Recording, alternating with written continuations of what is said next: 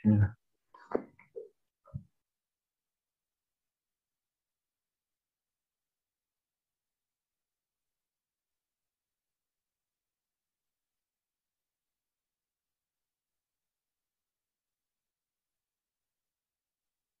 Bismillah. Assalamualaikum warahmatullahi wabarakatuh. Uh, Bismillah, salatu wassalamu ala rasulullah, wa ala alihi wa sahbihi wa. Uh, baik, uh, khatifillah yang mengikuti kajian ini via Zoom. Alhamdulillah telah hadir Ustaz Zainal Abidin bin Syamsuddin LCMM telah hadir di tengah kita untuk menyampaikan materi. Dimohon bagi jamaah yang mengikuti kajian ini uh, via Zoom ataupun platform streaming lainnya agar menyimak kajian hingga selesai dan tidak dan bagi jamaah yang uh, merilai lewat Zoom agar tidak membunyikan audio mikrofonnya dan menyimak kajian hingga tuntas. Baik, uh, kepada Ustadz kita persilahkan. Terima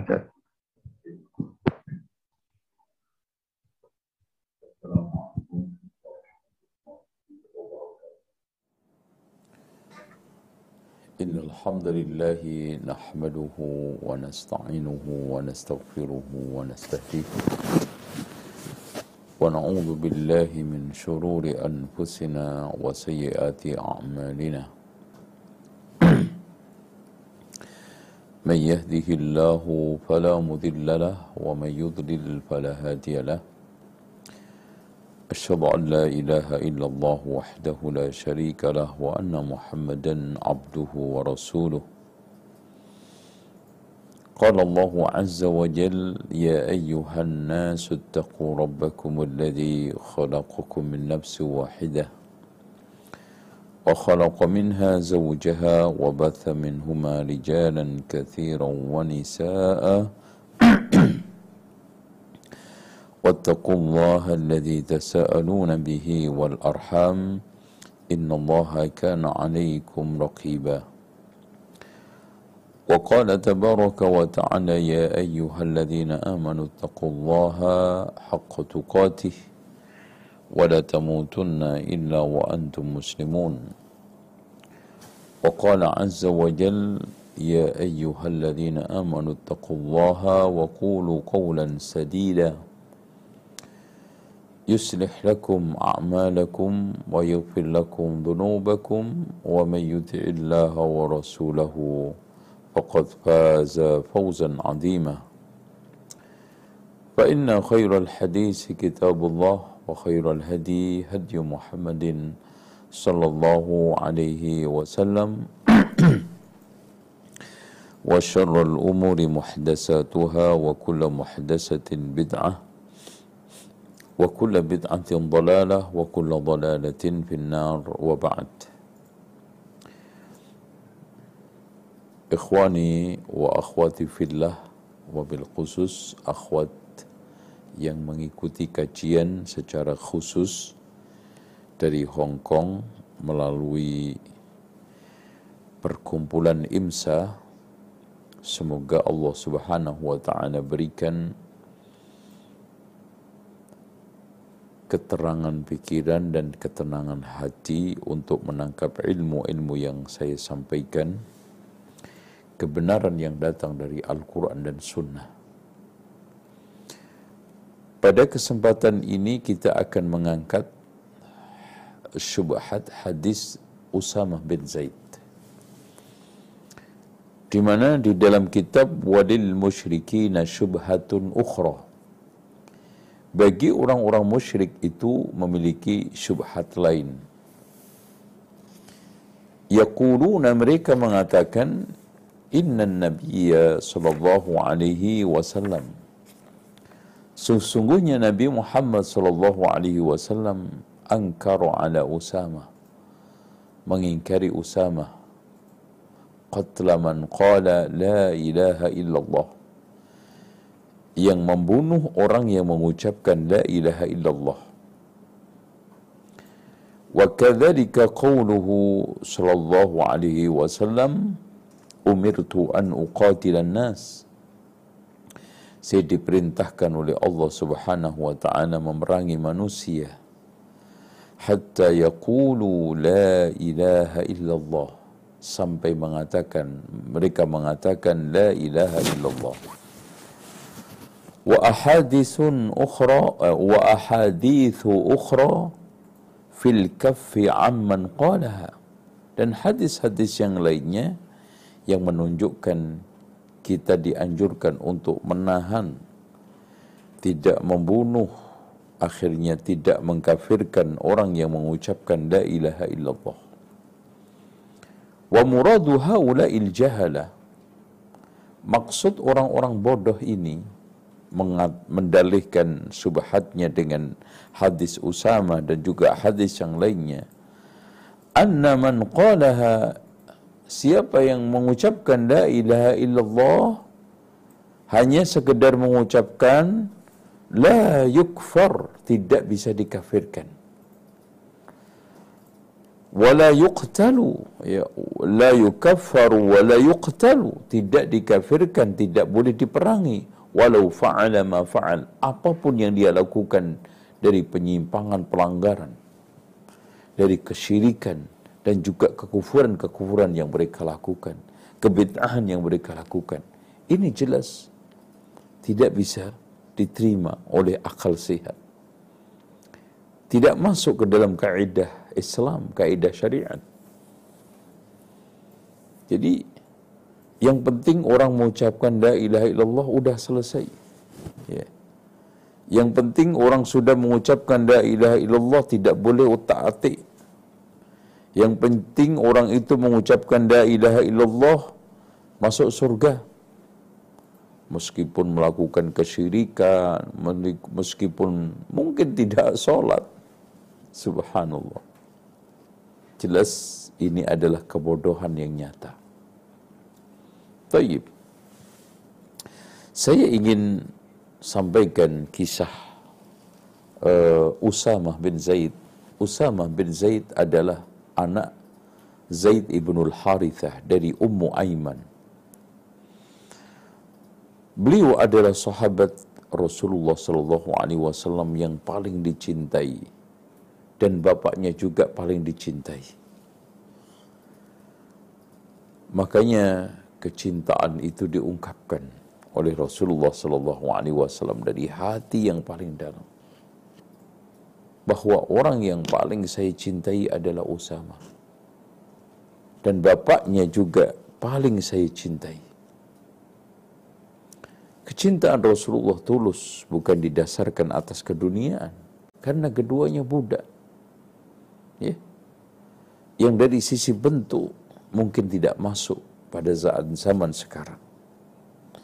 Kalau seandainya dia melamar tidak akan diterima, mengetuk pintu untuk mencari bantuan tidak akan dikubris. Tetapi begitulah cinta yang dibangun oleh Rasulullah sallallahu alaihi wasallam, cinta di dalam Islam yang disebutkan oleh Rasulullah sallallahu alaihi wasallam, man ahabba lillah barang siapa yang mencintai karena Allah wa abghadha benci juga karena Allah. Wa a'ta memberi juga karena Allah. Wa mana'a tidak memberi juga karena Allah. Faqad istakmalal iman dia telah menyempurnakan keimanan. Bahkan orang yang seperti ini akan diberikan naungan oleh Allah Subhanahu wa taala. Di masa nanti tidak ada naungan termasuk sab'atun yudilluhumullahu fi dhillih yawma la dhilla illa dhillah. Rajulani tahaba fillah. Dua orang yang berkasih sayang karena Allah. Istama alaihi kumpul karena Allah. Wa tafarruqa alaihi bisa juga karena Allah. Taib Usamah bin Zaid di, di eh, wafat pada tahun 54 saking tingginya cinta Rasulullah kepadanya dan kepada bapaknya. Ketika Umar bin Khattab radhiyallahu an membagi suatu bagian harta Baitul Mal Ya. Semuanya dibagi rata sama kecuali Usama bin Zaid. Ketika itu Abdullah ibnu Umar anaknya protes, wahai bapakku, kenapa engkau memberikan Usama bin Zaid lebih? Ya, sementara yang lainnya sama. Apa kata beliau? Usamah lebih dicintai oleh Rasulullah daripada kamu. Dan bapakmu ini juga bapaknya Usama itu lebih dicintai daripada bapakmu ini. Makanya saya berikan kelebihan dua-duanya. Allahu Akbar. Satu sikap yang arif, satu sikap yang andil. Tidak dibawa hanyut perasaan untuk mencintai famili anak kakain. Dia tegas mengatakan, Usama itu lebih dicintai oleh Allah daripada kamu sehingga aku berikan satu bagian yang lebih daripada kamu. Dan bapaknya Usama juga Zaid ibnu Harithah lebih dicintai oleh Rasulullah daripada bapakmu ini.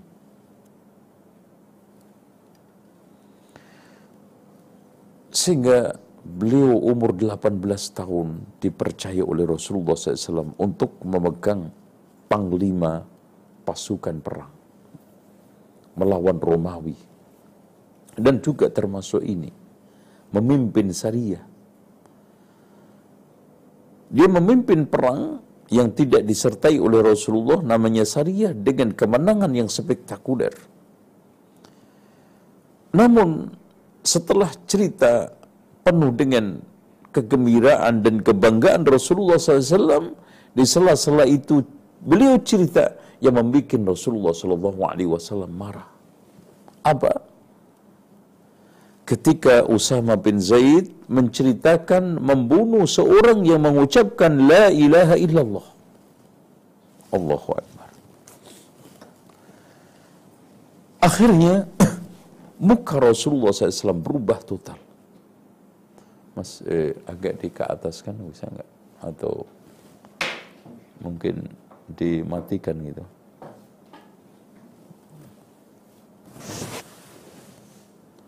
Uh, di ke atas kan bisa. Ini.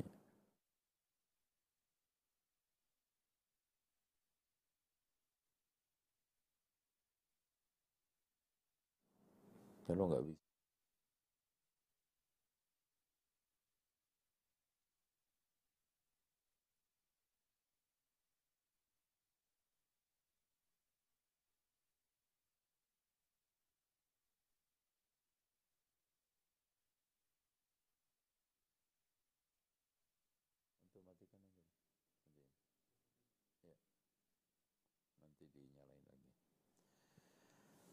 Taib.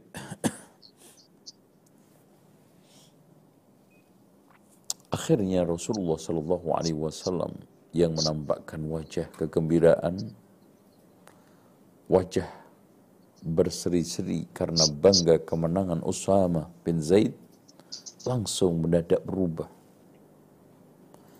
Kenapa setelah mendengarkan Ya Rasulullah saya terpaksa membunuh orang yang mengucapkan la ilaha illallah. Karena aku khawatir ucapan itu hanya sebagai cara dia untuk ngeles supaya tidak dibunuh oleh pedang saya. Rasulullah Shallallahu Alaihi Wasallam menunjukkan kemarahan berat. Aqatal tahu bi annahu yaqulu la ilaha illallah. Apakah kamu membunuh orang yang mengucapkan la ilaha illallah. Kemudian akhirnya Usama masih menukas, ya Rasulullah. Dia mengucapkan itu hanya di dalam rangka untuk mencari keselamatan. Rasulullah Shallallahu Alaihi Wasallam tetap mengatakan bagaimana dengan nasib la ilaha illallah. Usama menukas lagi, Ya Rasulullah Sallallahu Alaihi Wasallam, beliau mengucapkan itu hanya untuk mencari perlindungan dari pedang saya. Akhirnya Rasulullah mengatakan, Hal syaqaqta ala qalbi? apakah kamu telah membedah terus kemudian mampu meneropong isi hatinya? Hanya Usama bin Zaid diam. Menyesali dengan penyesalan berat dan mengatakan di dalam hatinya, Aku ingin melepaskan seluruh perbuatan-perbuatan saya dan ingin masuk Islam kembali baru lagi karena teguran dan penyesalan Rasulullah Shallallahu Alaihi Wasallam tersebut. Dan subhanallah penyesalan ini juga membuahkan satu sikap Usama. Ketika terjadi, terjadi perang antara Ali dengan Muawiyah di dalam Siffin, beliau memilih untuk bersikap netral dan diam.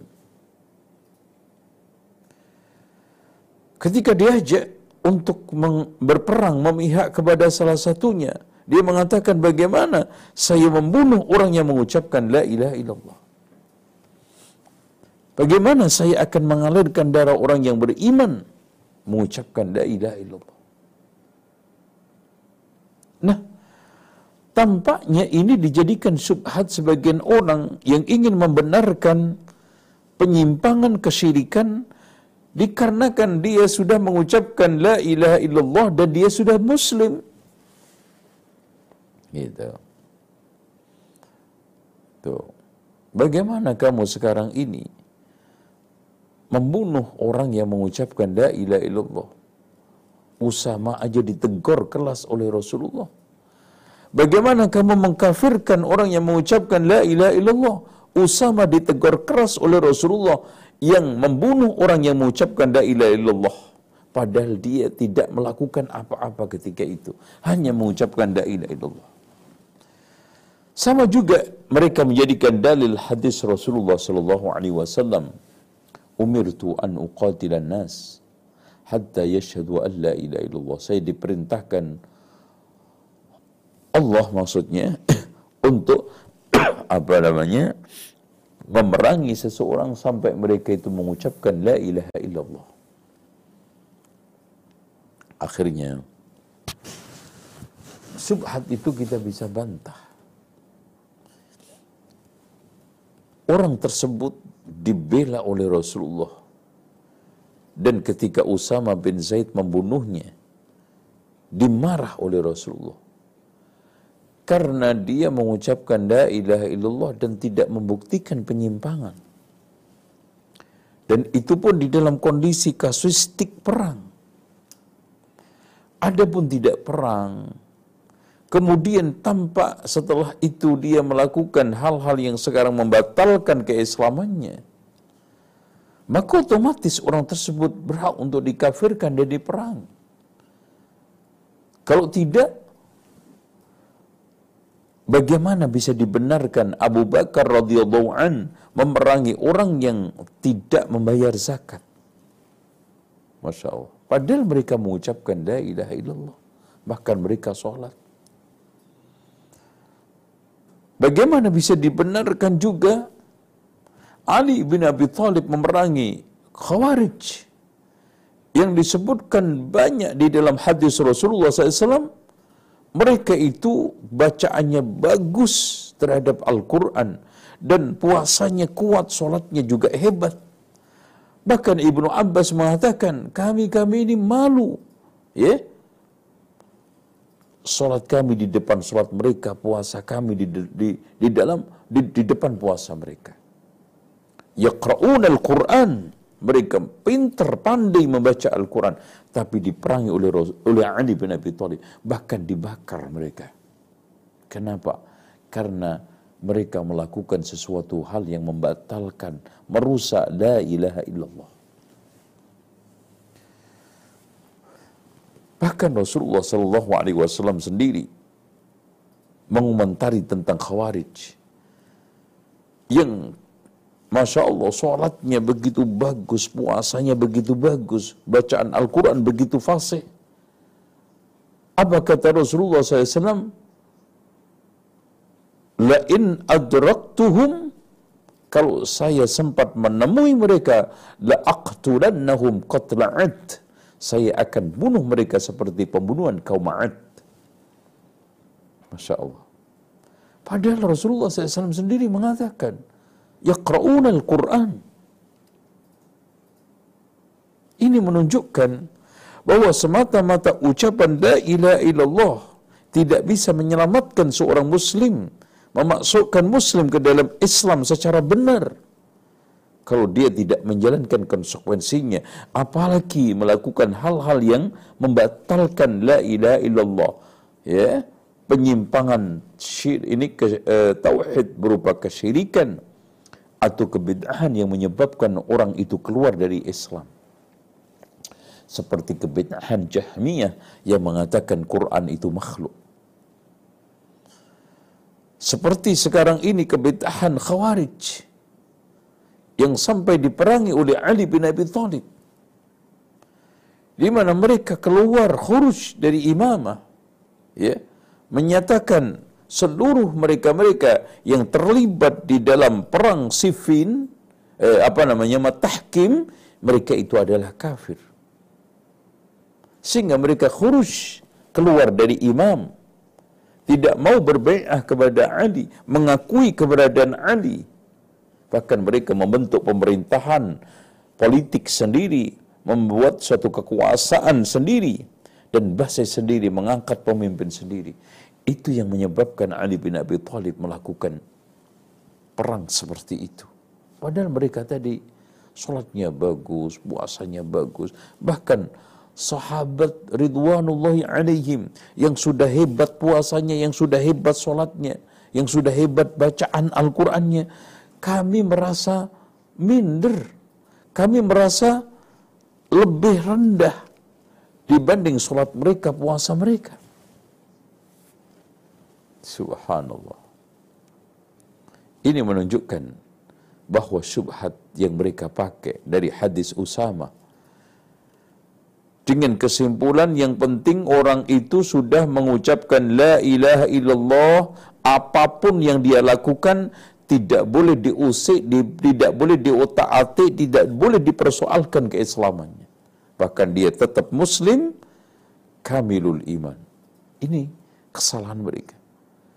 Jadi mereka menginginkan orang-orang dari kalangan uh, musyrikun yang bodoh tersebut dengan la ilaha illallah cukup untuk menjadi benteng kuat melindungi seorang muslim dari kegiatan apa pun.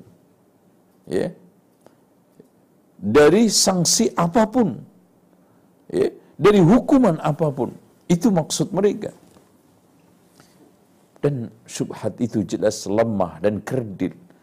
Bahkan secara faktual seorang tidak hanya cukup mengucapkan la ilaha tidak kalau tidak menjalankan konsekuensinya dan saya sudah buktikan tadi beberapa bukti ya bahwa Rasulullah Shallallahu Alaihi Wasallam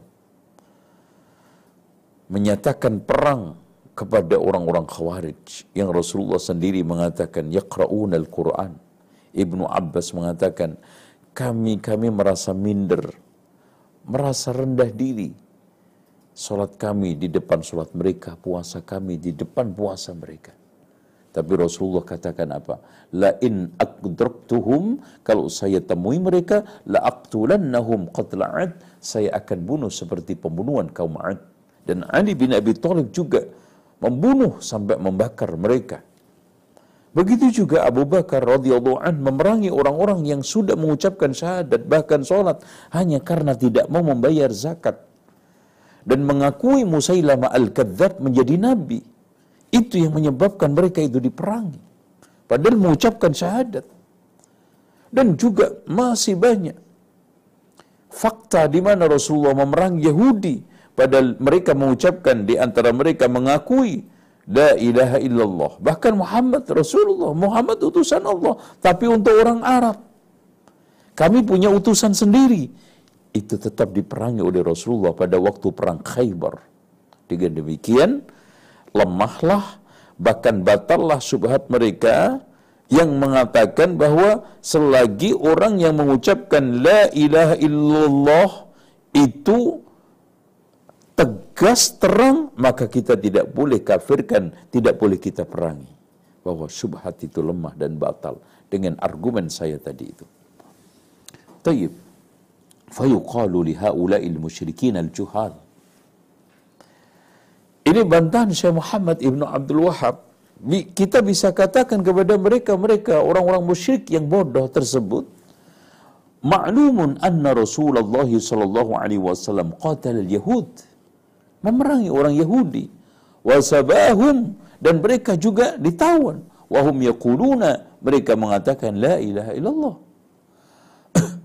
Wa anna ashab Rasulullah sallallahu alaihi wasallam dan sahabat-sahabat Rasulullah SAW qatalu Bani Hanifah yaitu mereka-mereka yang tidak mau membayar zakat yang menyatakan bahwa Musailamah al-Kadzab itu nabi padahal wahum yashaduna alla ilaha illallah. Mereka itu bersyahadat. Muslim. Wa anna Muhammad Rasulullah. Mereka cukup fasih mengucapkan syahadat tegas. La ilaha illallah Muhammadur Rasulullah. Wa yusalluna mereka salat. Wa yad'un al-islam. Mereka juga mengklaim muslim. Wa kadzalika alladhi harraqahum Ali bin Abi Thalib bin nar. Begitu juga khawarij yang dibakar oleh Ali bin Abi Thalib ya di dalam perang uh, uh, Nahrawan ya dengan api mereka juga sama. Salat, puasa, membaca Al-Quran. Tapi kenapa diperangi Ali? Karena mereka melakukan penyimpangan-penyimpangan yang merusak la ilaha illallah. Karena Ali bin Abi Thalib faham tidak cukup orang itu mengucapkan la ilaha illallah saja sementara melakukan hal-hal yang membatalkan Islam. Begitu juga Abu Bakar berprinsip tidak cukup orang itu hanya mengucapkan la ilaha illallah, salat puasa, tetapi menyatakan Musailamah al-Kadzab adalah nabi. Tidak cukup orang itu mengucapkan la ilaha illallah Muhammadur Rasulullah. Meskipun dia itu mengucapkan itu, Yahudi tetap diperangi oleh Rasulullah karena dia melakukan penyimpangan-penyimpangan yang membatalkan la ilaha illallah. Wa jahalah Orang-orang bodoh tersebut mukirruna mengakui annaman angkaral ba'asa. Siapa yang mengingkari kiamat, kebangkitan kiamat, kafara kafir. Wa kutila dan dibunuh oleh pemerintah Islam, oleh pemimpin Islam ya. Jadi tolong diperhatikan ketika kita itu menyatakan pembunuhan atau sanksi apa pun yang kaitannya dengan pelenyapan nyawa itu tidak bisa dilakukan oleh individual kelompok masyarakat tetapi dilakukan oleh negara ya berdasarkan putusan hakim kemudian setelah itu diputus di, dilegalkan oleh uh, penguasa Islam imam walau qala la ilaha illallah meskipun mereka mengucapkan la ilaha illallah wa anna man jahata syai'an min arkanil islam Begitu juga mereka yakin siapa yang mengingkari salah satu rukun Islam itu kafar, kafir. Wa qutila berhak untuk dibunuh oleh pemimpin Islam. Walau qalaha meskipun dia mengucapkan la ilaha illallah. Fa kaifa la tanfa'uhu idza jahada far'an minal furu'? Coba bayangkan. Kalau la ilaha illallah itu tidak berguna bagi orang yang sekarang ini melakukan pelanggaran-pelanggaran yang sifatnya furuk, cabang. Cabang kecil daripada Islam. Mengingkari bahwa puasa itu tidak wajib. Mengingkari jilbab itu wajib. Mengingkari sekarang ini Rasulullah Shallallahu Alaihi Wasallam boleh menikah lebih dari empat, itu aja kafir, furu, watan fa'uhum. Kemudian syahadat itu masih bermanfaat bagi orang yang melanggar usuluddin tauhid alladhi huwa aslu dinir rusul. Itu merupakan asas prinsip. Dan juga uh, apa namanya ajaran penting fundamental para rasul para nabi aneh suatu konklusi yang sangat nyeleneh dan aneh syahadat dinyatakan tidak bermanfaat bagi orang yang hanya melanggar suatu hal-hal yang sifatnya cabang agama dinyatakan bermanfaat melakukan pelanggaran yang sifatnya usul prinsipil di dalam Islam. Tuh, ya. Ya kalau seandainya seorang itu mengatakan Nabi Muhammad itu bukan menikahi Aisyah secara resmi. Hanya posisinya dia itu hanya istri simpenan. Itu aja bisa kafir. Itu bisa kafir. Bagaimana orang yang sekarang ini melakukan pelanggaran yang lebih berat di dalam masalah usuluddin yaitu tauhid otomatis mereka lebih berhak untuk dikafirkan, lebih berhak untuk dihukum uh, pancung oleh pemimpin Islam. Walakin a'da'ullahi atau walakin a'da'ullahi ma fahimu ma'na al-ahadis. Tapi sayang, begitulah. Mereka-mereka musuh Allah, musuh Tauhid itu tidak mampu memahami dan mencerna secara baik hadis-hadis Rasulullah. Fa'amma hadis Usama, adapun hadis Usama yang mereka jadikan sebagai dalih tadi, untuk membenarkan subhatnya, bahwa orang itu selagi mengucapkan la ilaha illallah tidak bisa dikafirkan, tidak bisa dibunuh oleh pemimpin Islam, fa innahu qatala rajulan idda'al Islam. Padahal Usama itu hanya simpel membunuh orang yang dianggap itu mengaku-ngaku Islam. Mengucapkan syahadat itu hanya ingin apa? Menyelamatkan dirinya, nyawanya dari pedang Islam. Bisa babi annau Itu sekedar ijtihad dhon Usama. Annahu madda'al Islam illa khafan ala dami ma wa, wa malihi mereka menyatakan masuk Islam, mengucapkan syahadat hanya karena ingin menyelamatkan hartanya, ingin melindungi nyawanya. Itu dugaan Usama, itu ijtihad Usama.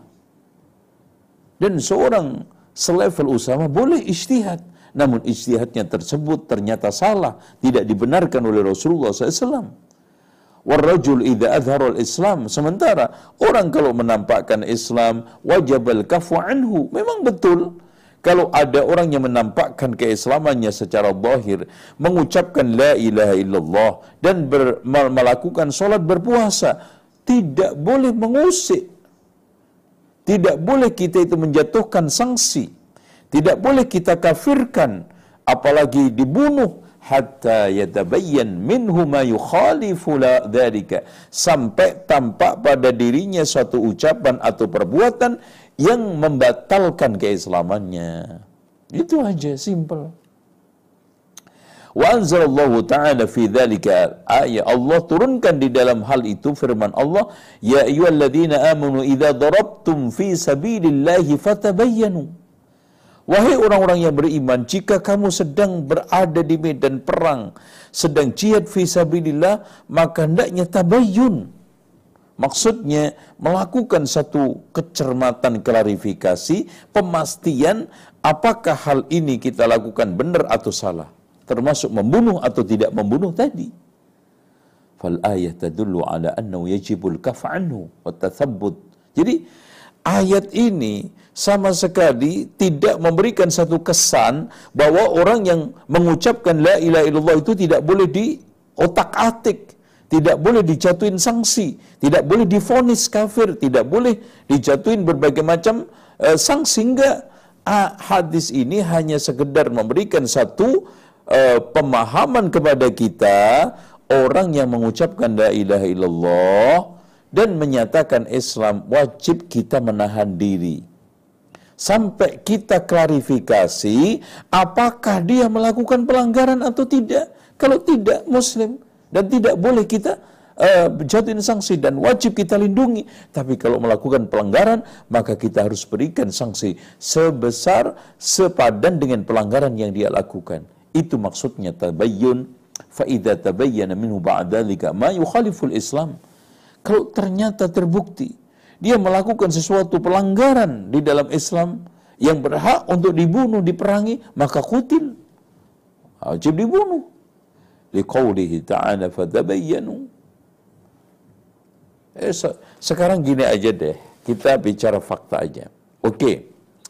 Sekarang ada seorang muslim mengucapkan la ilaha illallah, tiba-tiba subhanallah ditangkap oleh polisi membawa heroin 2 kilo. Apakah dia itu dengan cukup mengatakan saya sudah mengucapkan syahadat la ilaha illallah, nggak boleh diganggu gugat, nggak boleh dipidana, nggak boleh diberikan sanksi. Apa begitu? Selagi orang itu mengucapkan la ilaha illallah tidak boleh diapa-apain. Ini adalah kesimpulan yang sangat-sangat membodohkan dan membodohi.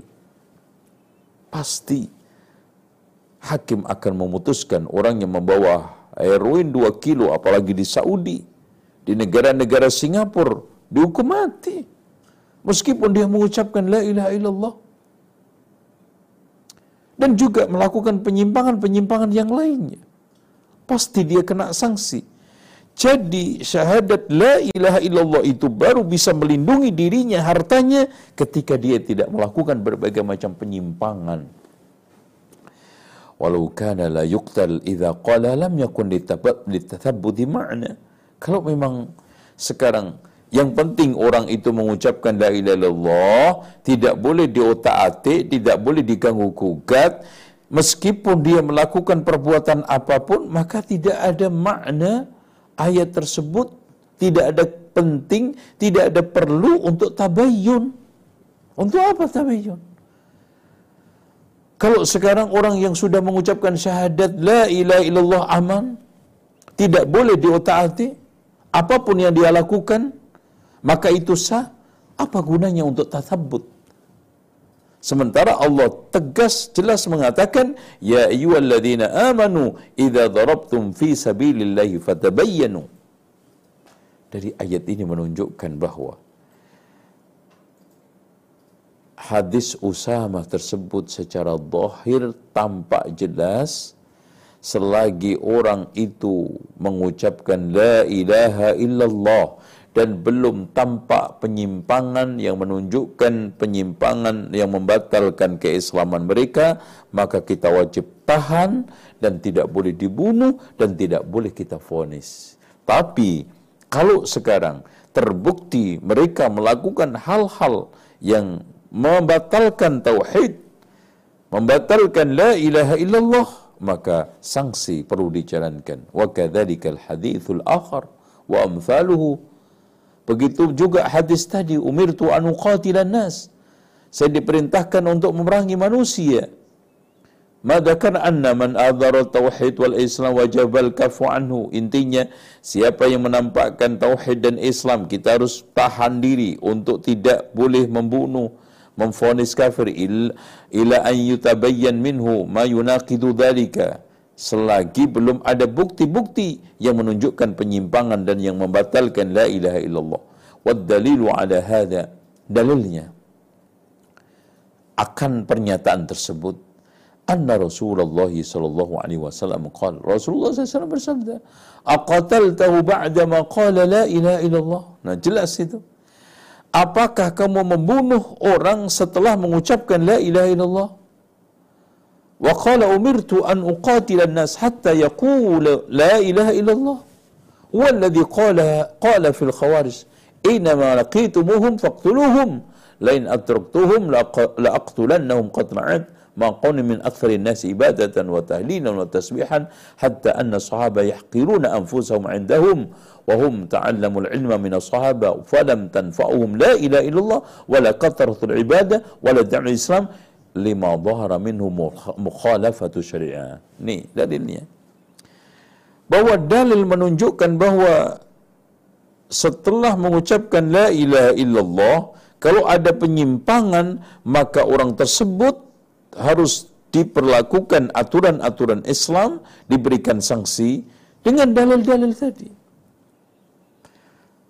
bahwa Usama bin Zaid ditegur oleh Rasulullah SAW karena membunuh orang yang mengucapkan la ilaha illallah. Dan Rasulullah Shallallahu Alaihi Wasallam mengucapkan saya diperintahkan untuk merangi manusia sampai mengucapkan la ilaha illallah. Itu berlaku pada orang yang tidak melakukan penyimpangan. Tetapi kalau dia melakukan penyimpangan seperti khawarij, Rasulullah katakan bahkan di mana saja kalian menemuinya perangilah mereka seandainya aku menemui mereka, aku akan bunuh mereka seperti pembunuhan kaum Ad. Kenapa? meskipun mereka Masya Allah ibadahnya bagus, membaca uh, apa namanya tahlil, tahmidnya juga cukup banyak, bahkan sahabat merasa minder ibadahnya di depan ibadah mereka. Bahkan di antara sebagian besar mereka belajar kepada sahabat.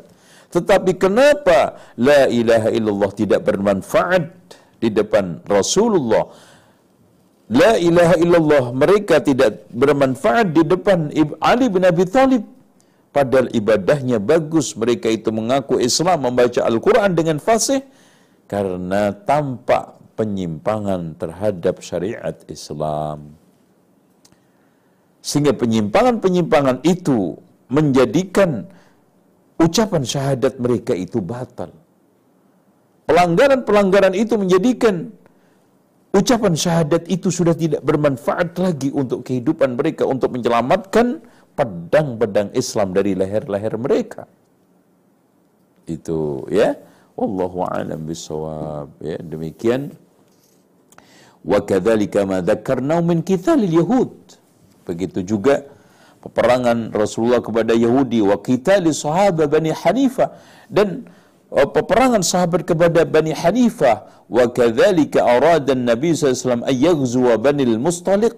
Begitu juga Rasulullah SAW yang ingin memerangi Bani Mustaliq. Lama akhbarahu rajulun annahu mana'u zakah. Hanya sekedar mereka tidak mau membayar zakat maka Rasulullah SAW hendak memerangi mereka hatta anzalallahu ta'ala tapi akhirnya Allah menurunkan ya ayyuhalladzina amanu in ja'akum fasikum binaba'in fatabayyanu ternyata kabar tentang Banil Mustalik yang tidak mau membayar zakat itu kabar burung, kabar tidak benar, sehingga Rasulullah SAW menarik juga setelah mendapatkan bukti tidak benar. Itu tabayyun. Ya ayyuhalladzina amanu in ja'akum fasikum binabin. Artinya gini, kalau Rasulullah SAW setelah tabayyun mendapatkan bukti benar-benar Bani Mustolik itu tidak mau membayar zakat, maka Rasulullah SAW akan perangi. Tapi setelah ditemui sebaliknya, setelah Rasulullah tabayyun ternyata Bani Mustolik tidak seperti itu bahkan dia tetap setia kepada Rasulullah, mau membayar zakat. Akhirnya Rasulullah SAW menahan, tidak tidak jadi memerangi mereka. Wa kan rajulu kadhiban alihi yang membawa berita itu dusta.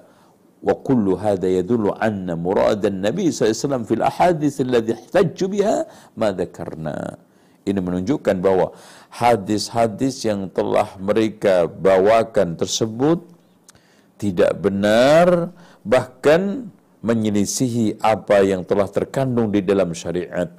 Wallahu a'lam bisawab. Ya, insyaallah kita cukupkan sekian dan insyaallah kita buka tanya jawab.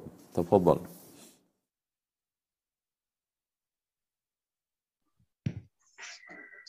Nah, Ustaz, Barakallahu Fik atas materi yang telah Antum sampaikan, Ustaz melanjutkan pembahasan kitab Kasus Subhat dengan tema Subhat seputar hadis Samah bin Zaid. Baik eh, bagi jamaah yang jamaah eh, yang terkhusus dari yang tergabung dalam Insat yang mengikuti kajian ini via Zoom eh, dapat mengirimkan pertanyaannya melalui kolom chat atau eh, atau atau disampaikan kepada admin secara langsung, chat private. Dan bagi jamaah yang mengikuti kajian ini secara streaming di Zainal Abidin di YouTube atau Facebook Zainal Abidin Official dapat bertanya melalui WhatsApp di nomor 0811 8033 389. Baik, uh, sudah ada pertanyaan yang masuk.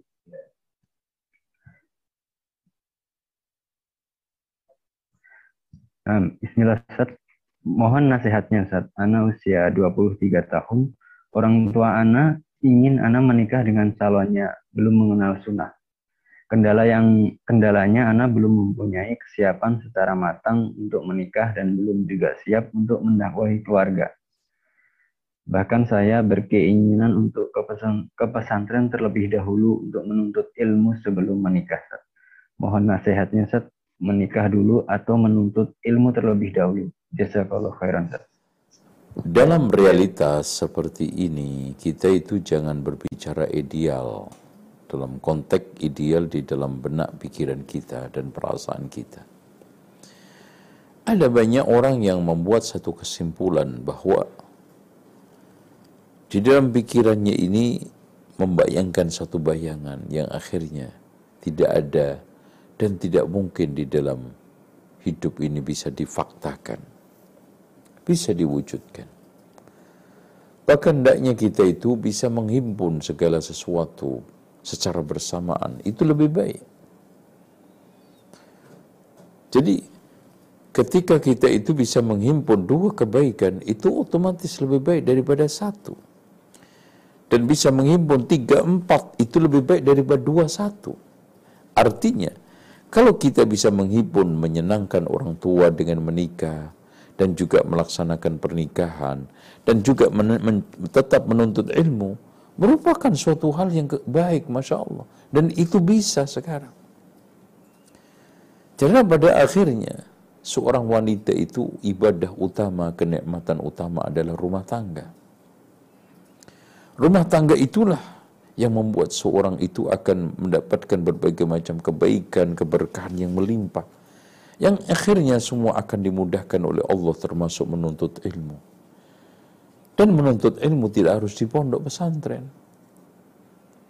Menuntut ilmu bisa seperti ini, menuntut ilmu bisa membaca buku, menuntut ilmu bisa hadir ke majelis ilmu. Itu yang harus kita ciptakan adalah apa? Suasana realistis. Jangan suasana idealistis yang sekarang ini hanya sekedar di dalam bayangan. Oleh karena itu, menikah sambil mencari ilmu itu lebih menguntungkan daripada sekarang ini kita menata mencari ilmu. Dulu baru menikah ya. Sehingga kadang-kadang dua-duanya malah nggak kena. Sementara kita akhirnya dimakan oleh umur kita. Sementara jodoh kita memang harus wanita itu mencari pasangan yang bisa meneduhkan pandangannya, menenangkan hatinya, menjaga agamanya, dia pemimpin dunia dan akhirat. Jadi jangan jangan cuma menjadi pemimpin dunia. Ar-rijalu qawwamuna 'ala nisa itu pemimpin dunia akhirat, dunia dan agama. Karena kalau hanya menjadi pemimpin dunia, maka kambing itu bisa mengendalikan kambing-kambing yang lainnya. Sehingga itu bisa mengendalikan, masya Allah, ya, ribuan eh, apa namanya kambing-kambing yang ada di hutan. Karena kepemimpinan singa itu hanya kepemimpinan dunia, maka tidak terpuji di hadapan Allah Subhanahu wa taala.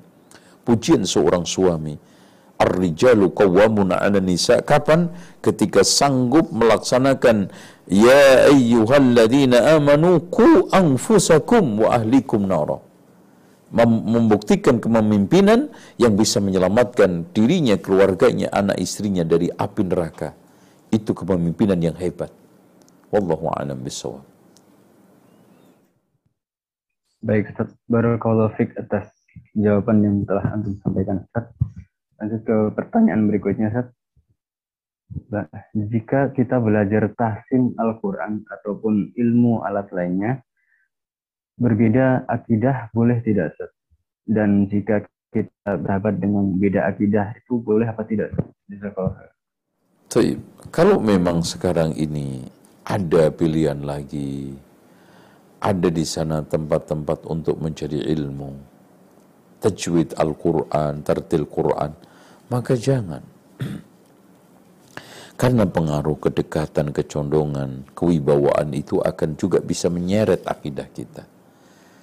Tapi kalau sekarang tidak ada kecuali ke dia, maka kita harus bersikap hati-hati. Karena itu tadi, teman itu nyeret, sahabat itu e, bisa memberikan satu e, pengaruh dahsyat. Almaru ada dini khalidi, apalagi posisinya atas bawah. Apa pun keadaannya, guru itu selalu posisinya di atas, murid itu di bawah. Mengajar dan diajar itu ya. Dari sini kita harus hati-hati. Jangan sampai kita akhirnya larut bukan hanya di dalam masalah Al-Qur'an saja, tetapi di dalam yang lainnya kita juga hanyut. Itu yang kita harus hati-hati ya. Wallahu a'lam.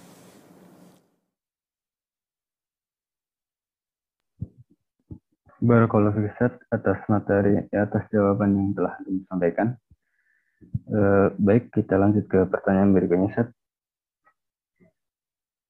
Apakah ada dalilnya sholat Jumat dua gelombang Ustaz? Argumen, argumentasinya agar tidak berkerumun di masa pandemi ini. Sholat Jumat dua gelombang berdasarkan nomor ponsel bagian belakang, ganjil atau genapnya. Ustaz. Mohon penjelasannya Ustaz. Barakallahu fiqh. Pertama, ini bukan fatwa, tapi penjelasan orang-orang umum atau mungkin birokrat. Oleh karena itu, apa pun sekarang ini kaitannya dengan agama harus kita serahkan kepada ahlinya. Fas'alu ahla dzikri in kuntum la ta'lamun. Tanyalah kepada orang yang mengerti kalau kamu tidak tahu. Kemudian yang kedua, di, di suasana pandemi yang ekstrim, kondisi yang tidak bisa kita terka atau istilahnya anomali ini memang bisa saja muncul satu fatwa-fatwa yang anomali, fatwa-fatwa yang tidak lumrah. Kalau fatwa itu dikeluarkan oleh ulama yang kapabel, kemudian memenuhi syarat dan juga mereka itu memiliki satu dasar-dasar istihad yang cukup, maka tidak ada masalah. Masalahnya sekarang ini kalau teman pendapat itu keluar dari orang yang tidak memiliki otoritas dan juga tidak memiliki kapabilitas, maka ini cenderung sesat menyesatkan seperti yang telah dikatakan oleh Rasulullah sallallahu alaihi wasallam fa'aftau bighairi ilmin fadallu wa adall. Mengeluarkan fatwa tanpa dasar ilmu dan akhirnya sesat dirinya menyesatkan orang lain. Wallahu a'lam bisawab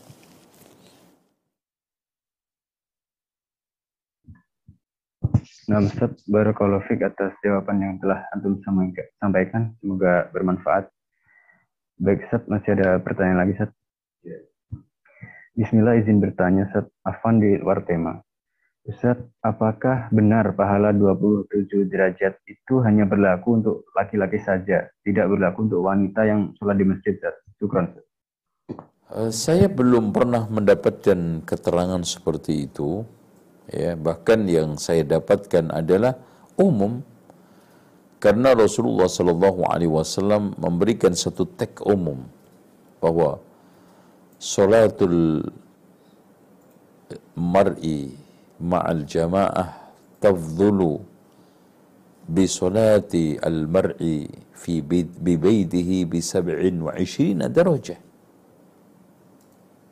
Ya bahkan salatul jama'ati tafdhulu bi salatil fadhi bi 27 darajah. Lebih mutlak lagi salat jamaah itu lebih utama ketimbang salat sendirian dengan 70 eh, dengan 27 derajat. Mutlak salatul jamaah. Tidak ada penekanan laki dan perempuan. Apalagi Rasulullah mengatakan la tamna'u ima Allah masajid Allah jangan kau halangi perempuan-perempuan ini untuk datang ke masjid Allah oleh karena itu dari dari sini kita bisa simpulkan Wanita pun bila datang ke masjid, dia mendapatkan keutamaan tersebut. Tapi, Masya Allah, meskipun keutamaan sedahsyat itu, sehebat itu, rumahnya itu masih lebih utama. Jadi keutamaan ini didapatkan dari selain sholat. Yaitu apa? Keutamaan dia menjaga kehormatannya. Keutamaan terlalu selalu dia itu luzum bil bait. Tetap tinggal di rumah. Itulah keutamaan yang didapat melebihi 27 derajat. Bukan sekarang dinafikan, diingkari seperti itu ya. Wallahu a'lam bishawab. Nah Ustaz, Barakallahu Fik atas jawaban yang telah Antum sampaikan. Lanjut ke pertanyaan berikutnya Ustaz. Bismillah. Mohon nasihatnya Ustaz untuk ikhwah yang baru berhijrah namun justru sibuk membantah pemikiran menyimpang di media sosial. Sementara dirinya enggan atau malas mendalami ilmu agama seperti Quran dan hadis. Barakallahu Taib. Ini merupakan satu kondisi yang sangat memilukan dan bisa saja memalukan. Kenapa? Karena dari kalimat yang diajarkan Rasulullah saja itu, orang yang hijrah itu harus sibuk memperbaiki dirinya. Memperbaiki itu dengan apa? Dengan tobat dan mencari ilmu. Bukan sekedar tobat saja. Kalau tidak didasari ilmu, maka nanti tobatnya itu uh, apa namanya uh, tidak terarah.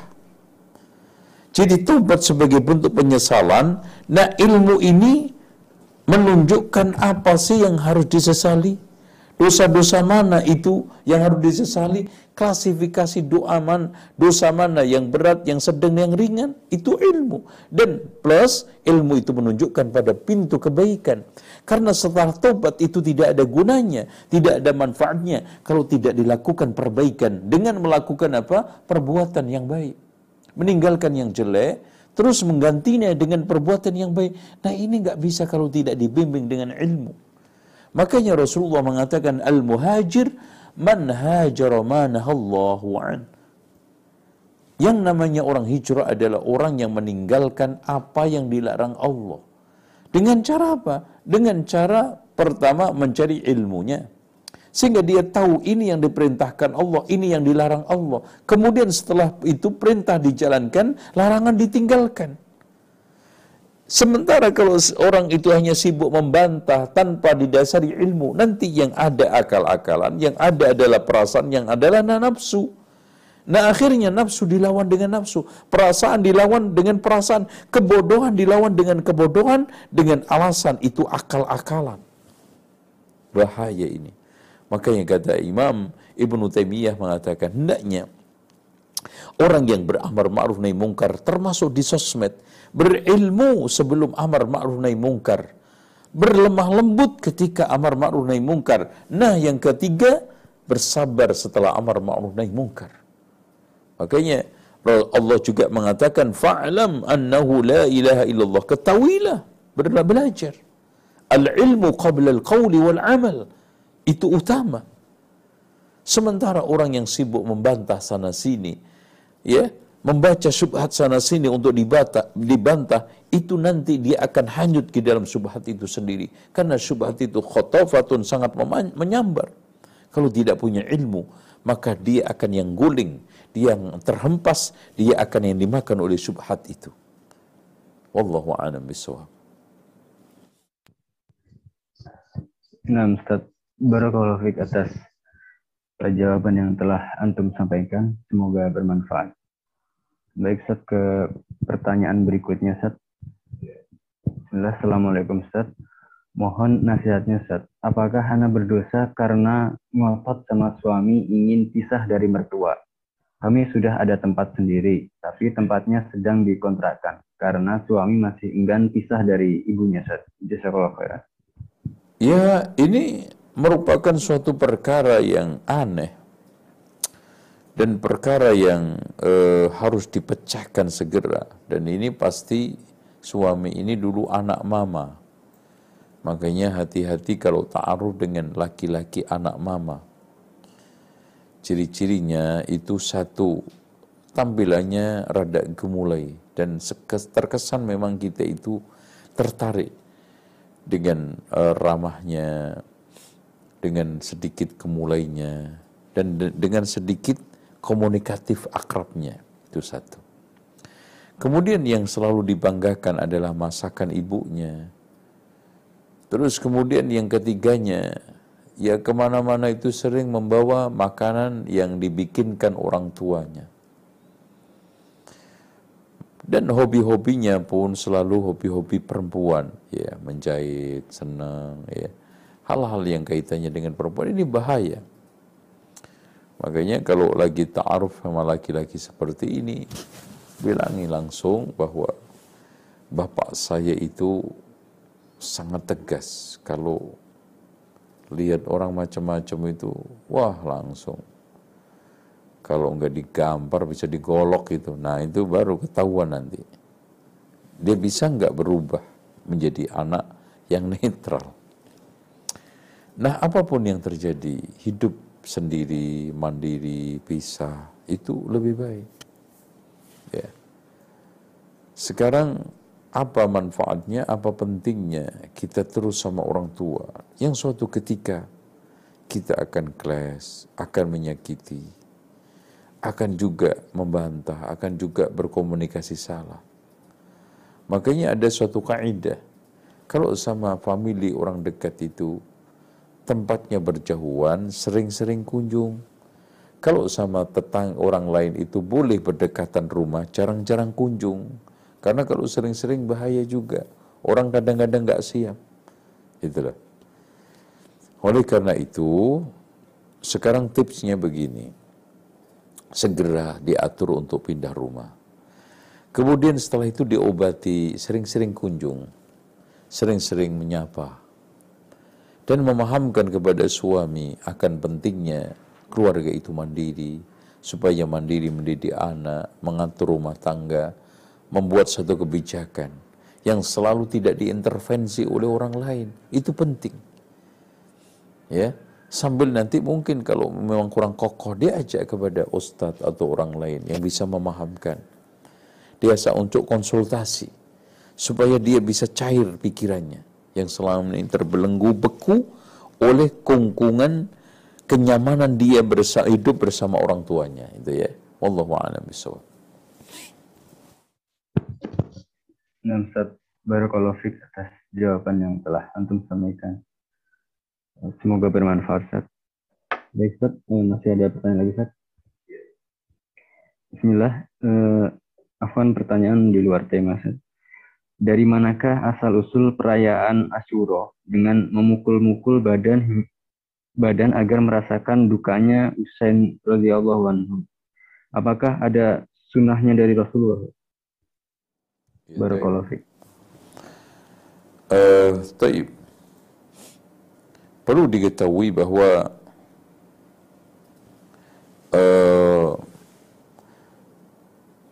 puasa atau perayaan Ashura itu merupakan suatu hal yang sekarang ini bid'ah. Bid'ah yang diciptakan oleh Syiah untuk berduka mengenang terbunuhnya Hussein yang sebelumnya tidak ada sama sekali di dalam Islam. Islam hanya melakukan puasa tasu'a sama asyura tidak lebih daripada itu yang diberikan oleh Rasulullah SAW. Adapun selain itu adalah bikinan orang-orang Syiah yang harus kita hindarkan, harus kita jauhi. Kita ikut-ikutan berduka bersama mereka, ya.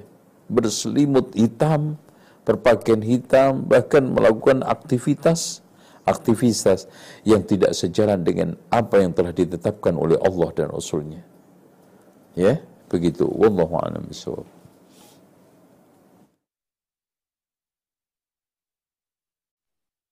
Nah, Ustaz, Barakallahu fiqh atas jawaban yang telah disampaikan, Ustaz. Baik, Ustaz, ada pertanyaan lagi, Ustaz? Baik, eh, Assalamualaikum, Ustaz. Apa sajakah keutamaan Usamah bin Said uh, apakah termasuk 10 sahabat yang dijamin sudah? Iya. Barakallahu Uh, Usama bin Zaid termasuk orang-orang yang uh, dijamin oleh Allah Subhanahu wa taala oleh rasulnya surga ya. Ya, wallahu a'lam bisawab uh, dan itu merupakan suatu uh, perkara yang uh, sudah mensus ya. Uh, karena semua orang yang ditekskan oleh Rasulullah SAW, dicintai oleh Rasulullah secara khusus, itu pasti juga dicintai oleh Allah dan pasti juga masuk surga. Sementara Usama, orang yang paling dicintai Rasulullah, bapaknya juga paling dicintai oleh Rasulullah SAW. Wallahu a'lam bishawab. Nah, Ustaz, kalau atas jawaban yang telah Antum sampaikan. Semoga bermanfaat. Uh, bisa satu pertanyaan, lagi, Ustaz? Iya. Nah, Ustaz. Bismillah, Assalamualaikum, Ustaz. Uh, izin bertanya, Ustaz. Uh, apa yang harus kita lakukan ketika ada seseorang yang mengajarkan ilmu dengan sikap yang keras, Ustaz?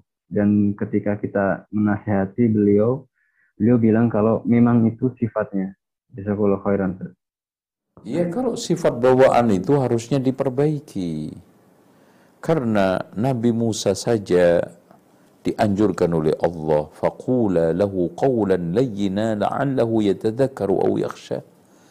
Ucapkan dengan ucapan yang lemah lembut yang lain mudah-mudahan Fir'aun itu takut dan sadar. Mana orang yang lebih baik daripada Musa? Selain Nabi Muhammad nggak ada. Mana ada orang yang lebih buruk dari Fir'aun? Nggak ada. Itu pun masih diperlakukan dengan lembut lemah lembut Nah sekarang dalih bahwa ini watak saya. Ya watak kalau baik lanjutkan, kalau jelek harus diperbaiki. Karena watak itu ada dua, watak baik ada watak buruk. Watak itu dibangun satu satu kebiasaan permanen yang terbangun di atas satu kebiasaan yang rutin. Jadi satu sifat yang permanen yang terbangun dari si kebiasaan-kebiasaan yang rutin. Nah, kebiasaan rutin ini ada yang baik, ada yang buruk. Kalau baik membentuk watak baik, kalau buruk membentuk watak buruk. Nah itu ya. Allahu a'lam bishawab. Baik Ustaz, uh, itu tadi adalah pertanyaan terakhir Ustaz, ingat uh, kita dibatasi oleh waktu. Jadi kami persilahkan Ustaz untuk memberikan uh, kesimpulan kajian Ustaz penutup Ustaz. Silakan Ustaz. Terima kasih atas perhatian antunna semuanya dan Bapak Ibu sekalian. Semoga Allah Subhanahu wa taala menjadikan ilmu yang kita pelajari hari ini bermanfaat dan kita sampai pada satu kesimpulan. Bahwa orang yang mengucapkan la ilaha illallah Muhammadur Rasulullah dinyatakan muslim dan dilindungi harta dan darahnya selagi dia tidak melakukan penyimpangan berupa kesyirikan, kekufuran atau kebid'ahan yang menyebabkan dia itu keluar dari Islam. Tapi kalau dia melakukan hal-hal yang menyimpang seperti mereka kaum Khawarij, mereka yang diperangi Abu Bakar, mereka yang sekarang ini diperangi Rasulullah SAW, maka la ilaha illallah itu tidak bermanfaat bagi dirinya. Adapun hadis Usama memberikan satu pengertian ucapan la ilaha illallah itu bermanfaat selagi orang itu tidak melakukan pelanggaran, penyimpangan yang menyebabkan rusaknya keislaman dia, batalnya la ilaha illallah dia.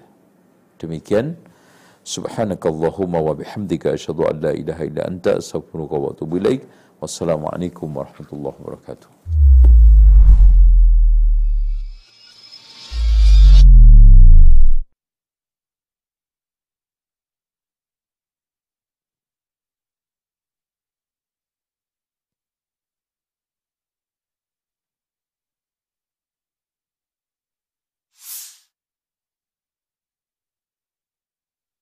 Assalamualaikum warahmatullahi wabarakatuh. Bapak Ibu sekalian Pondok pesantren tahfid kita ini kita akan berikan nama tahfid agropreneur Yang akan kita dirikan di lahan kurang lebih 5000 Nah eh, ada lagi kurang lebih 2 hektar setengah. Kita akan merencanakan di sini beberapa rencana eh, bisnis yang menopang pondok pesantren ini yang tidak lain adalah di sini ada pertanian. Kemudian di sini ada beberapa lahan e, peternakan ikan ya. Nanti kita akan buat untuk kegiatan mereka insya Allah.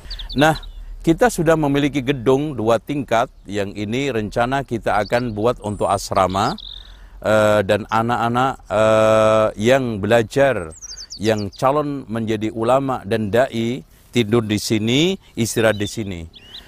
Untuk tempat belajarnya kita akan fokuskan di masjid. Nah, masjid ini kita akan dirikan di sini ya. Ini adalah tempat uh, yang akan kita dirikan masjid kurang lebih 25 kali 25 di sini insya Allah. Ini yang bisa kita sampaikan kepada uh, Bapak Ibu sekalian. Mudah-mudahan dukungan dan juga support serta atensi dari Bapak Ibu sekalian Ahlus Sunnati wal Jamaah akan mensupport, akan menjadikan pondok pesantren ini segera berjalan dan anak-anak didik kita dari seluruh persada Nusantara ini secepatnya bisa mendaftar karena kita sudah buka gelombang pertama dan juga kita sudah mulai sementara di Jakarta.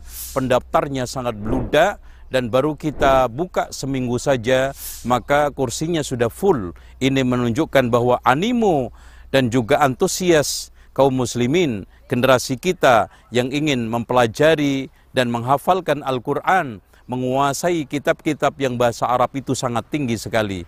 Demikian, mudah-mudahan Bapak Ibu sekalian bisa mendukung, mensupport kami untuk mendirikan, melangsungkan, membangun pondok pesantren tahfidz dan bahasa Arab ini gratis, insya Allah. Demikian, mudah-mudahan manfaat. Assalamualaikum warahmatullahi wabarakatuh.